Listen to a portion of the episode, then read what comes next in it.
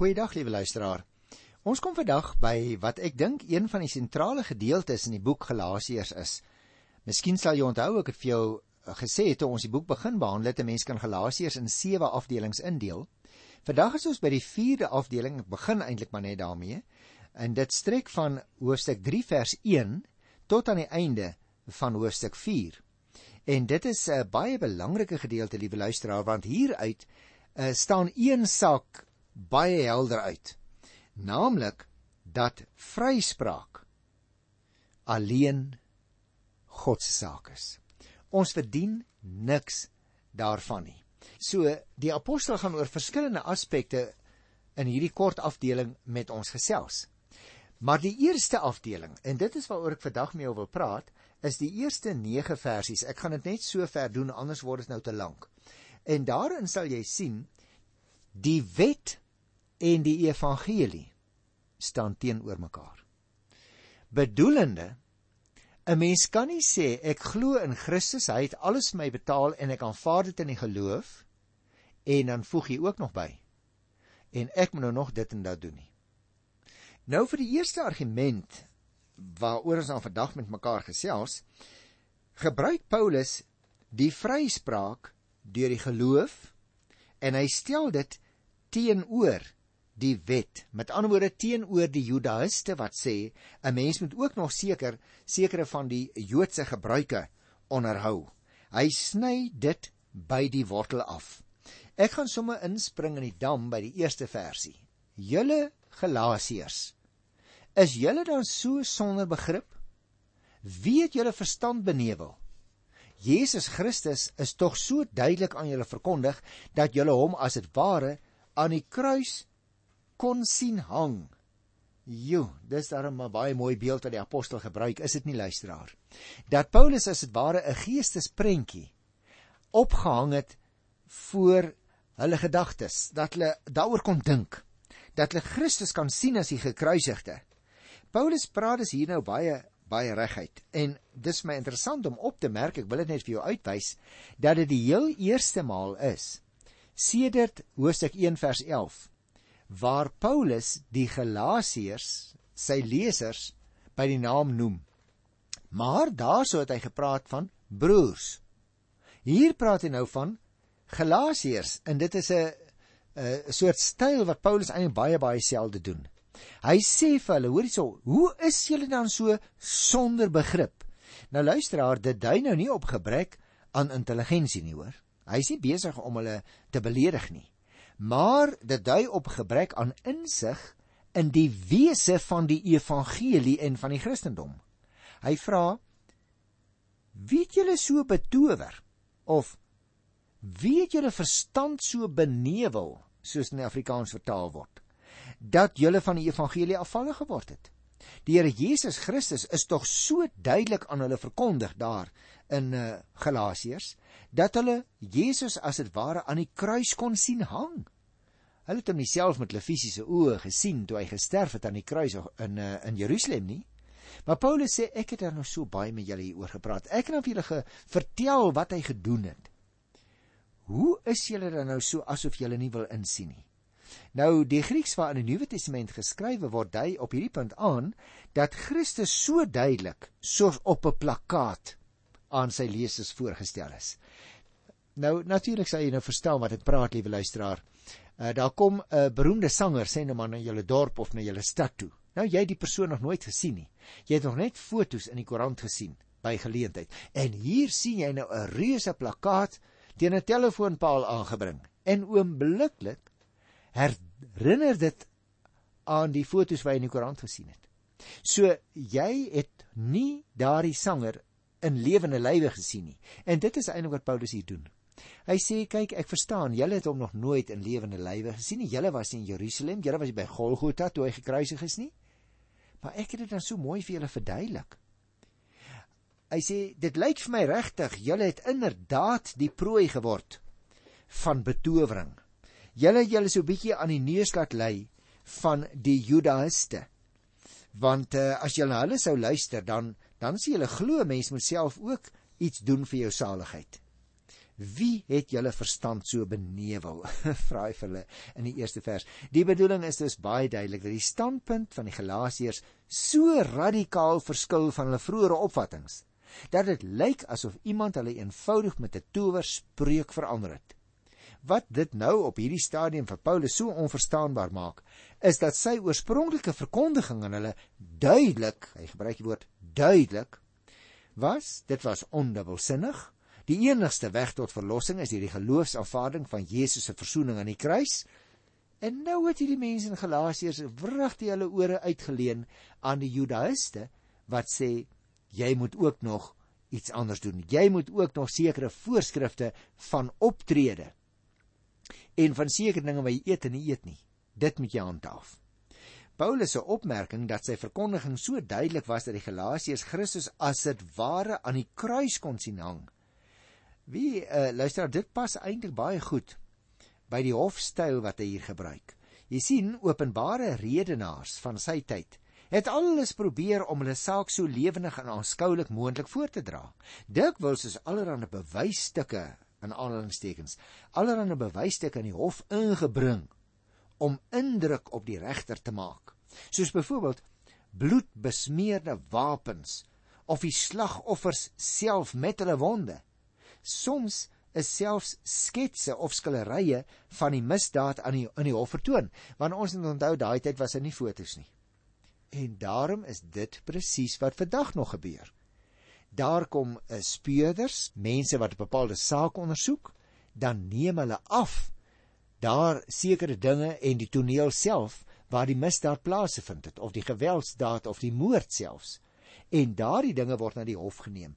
En Paulus is besig om hulle te sê, hoorie, dit is as dit ware wat ek met julle gedoen het. Ek het alles vir julle so sekuur verduidelik voor die tyd.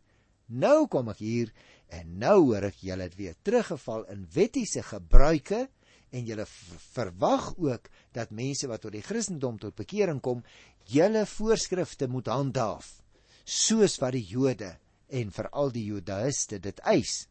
Anders kan hulle nie gered word nie. Paulus sê ek kan nie glo dat julle so betower geraak het in die tyd wat ek nou nie hier was nie. Kom ons lees die tweede versie van uh, hierdie hoofstuk waarmee ons nou vandag begin in hoofstuk Daar staan: Net een ding wil ek van julle weet. Het julle die Heilige Gees ontvang deur die wet van Moses te onderhou of deur die evangelie te glo? Nou dis baie interessant wat hier staan. Want hieruit blyk dit, liewe luisteraar, dat 'n mens nie noodwendig die Heilige Gees ontvang wanneer jy die hande opgelê word nie. Jy het gehoor wat ek sê, nie noodwendig nie. Want die Here kan ook daardie simboliese handeling gebruik sodat iemand die Heilige Gees deelagtig kan word. Maar hier sê Paulus iets anders. Het julle dan nie geweet dat julle die Heilige Gees ontvang het deur die evangelie te glo en nie deur sekere dinge te doen nie. Jy sien, nou maak die apostel 'n baie direkte beroep op die Galasiërs se eie ervaring. In die howe van sy tyd is dit het nou nou vir jou duidelik verduidelik 'n argument wat op die eie ervaring van die betrokke partye gebaseer is is dit destyds baie hoog aangeslaan. Nou kon die Galasiërs natuurlik nie hulle eie verlede ontken nie né? Veral nie as dit gegaan het om 'n gebeurtenis wat Paulus saam met hulle deurgemaak het nie. Hy verwys hier na hulle bekering wat klaarblyklik gepaard gegaan het met 'n spesiale toesegging van en 'n bevestiging deur die Heilige Gees en wat 'n onmiskenbare teken van God se seën en begenadiging vir hulle was. Nou was dit hierdie geestelike hoogtepunt van hulle lewe gewees wat nou skielik deur hulle bevraagteken word. Die apostel se argument is dus klinkklaar. Die Galasiërs se eie geskiedenis bevestig dat die groot ommekeer in 'n lewe alleen op een manier kon geskied het: deur die evangelie te glo. En hier luisteraar het ons weer met een van Paulus se baie beknopte uitdrukkings te maak. Letterlik sê hy uit die Griekse taal uit die gehoor van geloof. Daar is dus meer as een manier waarop hierdie uitdrukking verstaan kan word. Een moontlikheid is dat die hoorbare prediking rakende die aard en die inhoud van die geloof bedoel word. 'n Ander siening is dat die luister na die evangelie boodskap en die gevolglike geloofsaanvaarding van die evangelie daarmee bedoel word.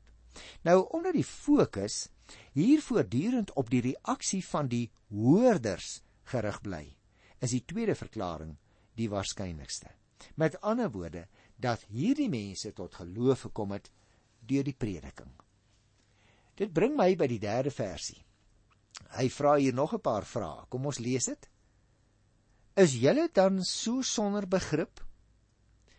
Julle het met die Heilige Gees begin.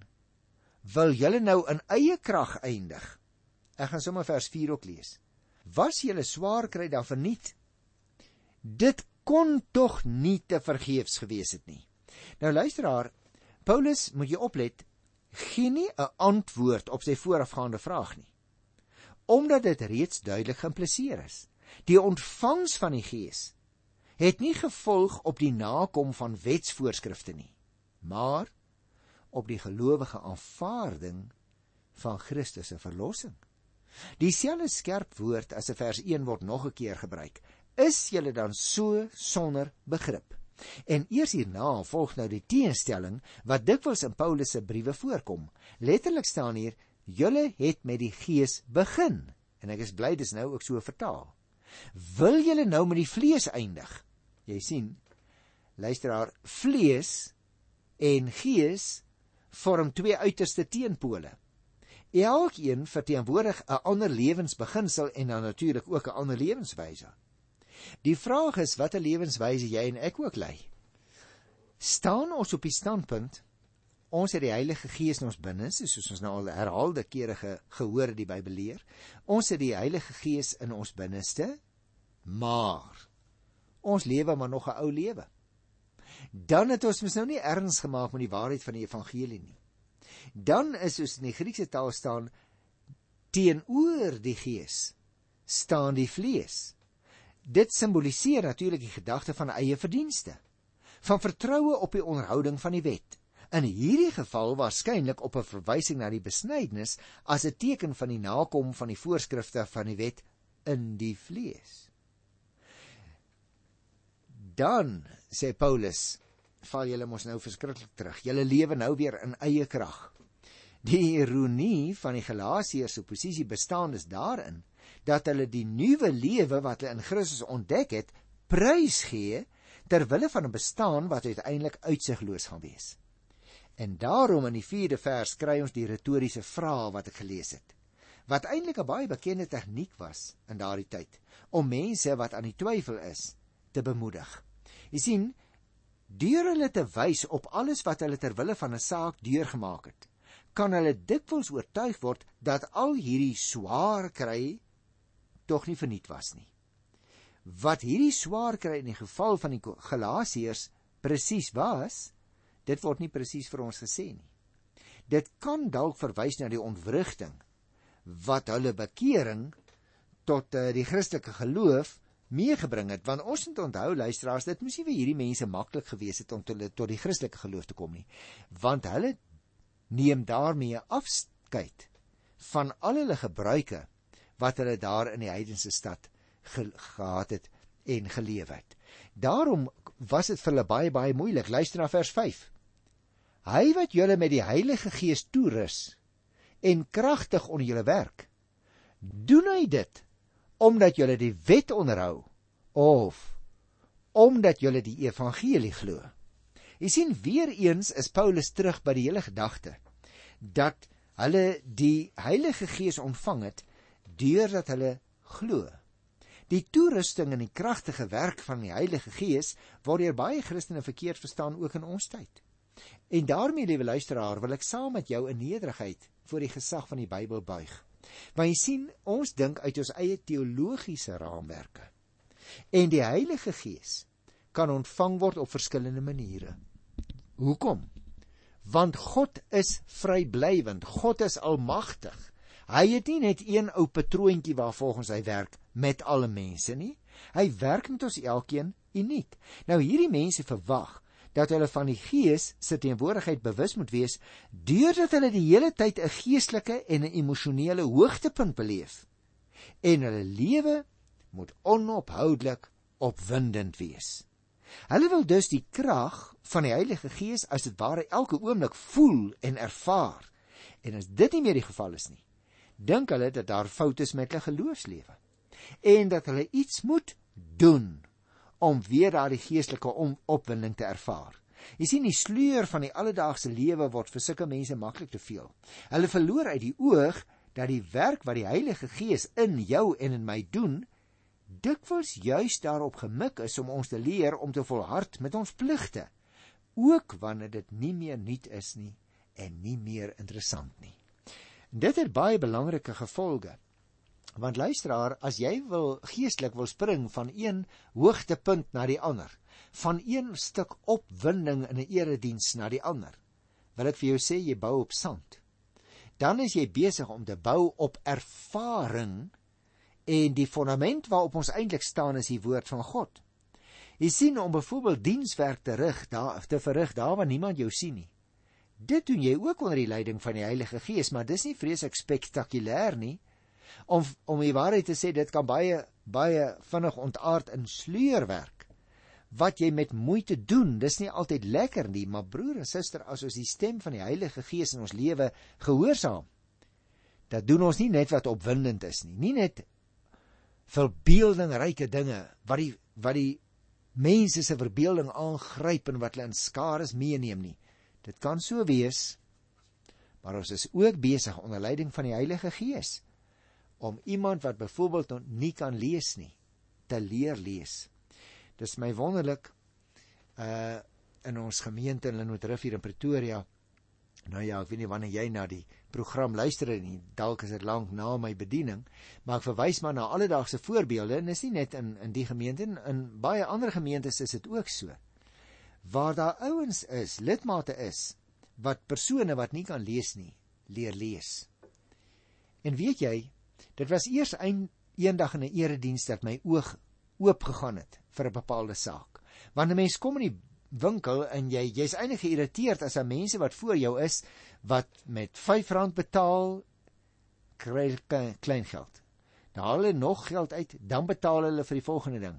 En wie eendag sê 'n vrou wat leer lees het. Nou kan ek vir die eerste keer verstaan hoeveel die goed op die rakke kos in die winkel. Nou broer en suster, dit is so 'n eenvoudige voorbeeld. Maar dit is die manier waarop die Here geestelik ook ons oë laat oopgaan. Soms op 'n manier waar ons nou mense leer lees en skryf en dan kan hulle op die winkelrak lees en hulle kan verstaan. Maar soms werk die Here met ons op 'n manier wat jy en ek nog nie eers oordink dit nie. Daarom moet ons baie versigtig wees dat ons vanuit ons eie teologiese raamwerkies wil dink en sê die Heilige Gees werk so en hy werk nie so nie. Sê wie? God is vrymagtig. Hy kan op sy eie manier die Heilige Gees laat intrek neem in ons lewens. Hier praat Paulus van 'n manier dat jy die Heilige Gees ontvang het toe jy gelowige geword het. Toe jy begin glo het in Christus. En dit is nie die enigste manier nie. Enige nuwe verhouding met die Here Jesus, liewe luisteraar, bring natuurlik opwinding. En so ook wanneer 'n mens nuut besef dat die Here jou liefhet. Volwassenheid beteken egter dat 'n mens nie net so lank die opwinding van die nuutheid en die andersheid daar is in die Here glo nie, in hom getrou bly nie, maar dat jy jou lewenslange verbintenis tot getrouheid honoreer. Ook wanneer die harde realiteite van die daaglikse pligte jou begin afrem. Die kragtige werking van die Gees, luisteraar, beteken nie in die eerste plek 'n nuwe opwindende gevoelsoplewing nie. Dit kan dit wees, maar dit hoef nie so te wees nie.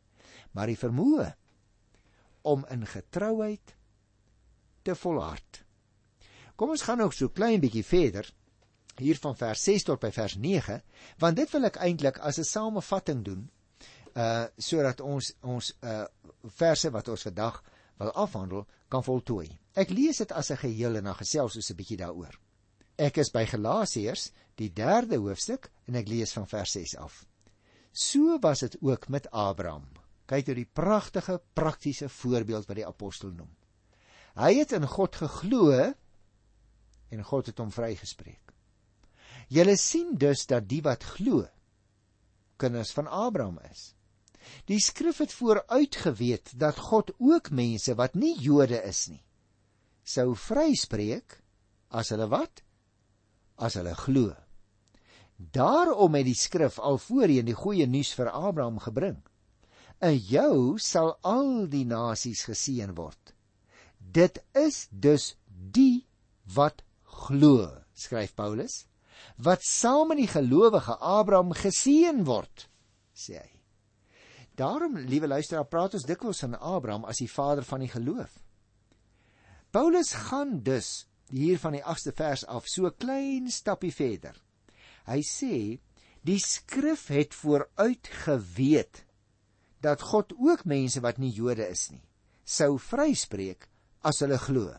En luister nou, dan skryf hy: Daarom het die skrif al vooruit die goeie nuus vir Abraham gebring dat al die nasies in hom geseën word. Jy onthou nog? Luisteraar, daar in Genesis 12 by die 3de vers en ook in Hosea 18 van Genesis by die 8ste vers word daar gepraat van die seën wat die Here vir vir Abraham gaan gee. Hy gaan Abraham 'n seën vir die nasies maak. En nou sê Paulus, ons wat in Christus glo, is die gevolg van Abraham se geloof. Hy sê nie ons word gered omdat Abraham geglo het nie. Hy sê omdat Abraham geglo het, het die evangelie boodskap ook na ons gekom. Terwyl die Joodse interpretasie hiervan was dat ander nasies deur Israel geseën sal word, vertolk Paulus dit nou op 'n baie meer omvattende manier as die koms van die evangelie na die heidene nasies toe. Die blote feit dat ons dit glo is die gevolg van die feit dat Abraham die Here op sy woord geneem het. Nou liewe luisteraar, natuurlik, natuurlik beteken dit jy en ek moet ook nog tot geloof kom. Dit is eers wanneer ons tot geloof gekom het en die evangelie aanvaar dat ons gesien word as kinders van Abraham. 'n Mens word nie outomaties gered nie. Ek wil amper vir jou sê, liewe luisteraar, as ek 'n alledaagse beeld mag gebruik, die Here het net eie kinders. Hy het nie kleinkinders nie. Met ander woorde, jy en ek kan nie die geloof oordra selfs op ons kinders nie. Die geloof is 'n gawe van God alleen. Ons kan ons kinders blootstel aan die evangelie, dis ons taak en ons verantwoordelikheid, maar ons kan nie ons kinders tot redding bring nie as die Heilige Gees hulle hart verander het dan kan ons hulle help om by Christus uit te kom. Maar ons kan hulle nie red nie. Ons kan nie die geloof aan hulle oordra nie. Wanneer hulle dit gedoen het om tot geloof in die Here te kom uit sy genade, dan is hulle ook kinders van Abraham. Daarom praat die Nuwe Testament van 'n nuwe Israel. Maar ek gaan nie vandag meer daaroor praat nie. Ek het al meer daaroor gepraat toe ons Romeine behandel het en ek sal weer in die toekoms daarna verwys jy en ek word gered en ons ontvang die Heilige Gees deur in Christus te glo sê hierdie verse van vandag. Ek groet jou dan tot volgende keer. Tot dan. Totsiens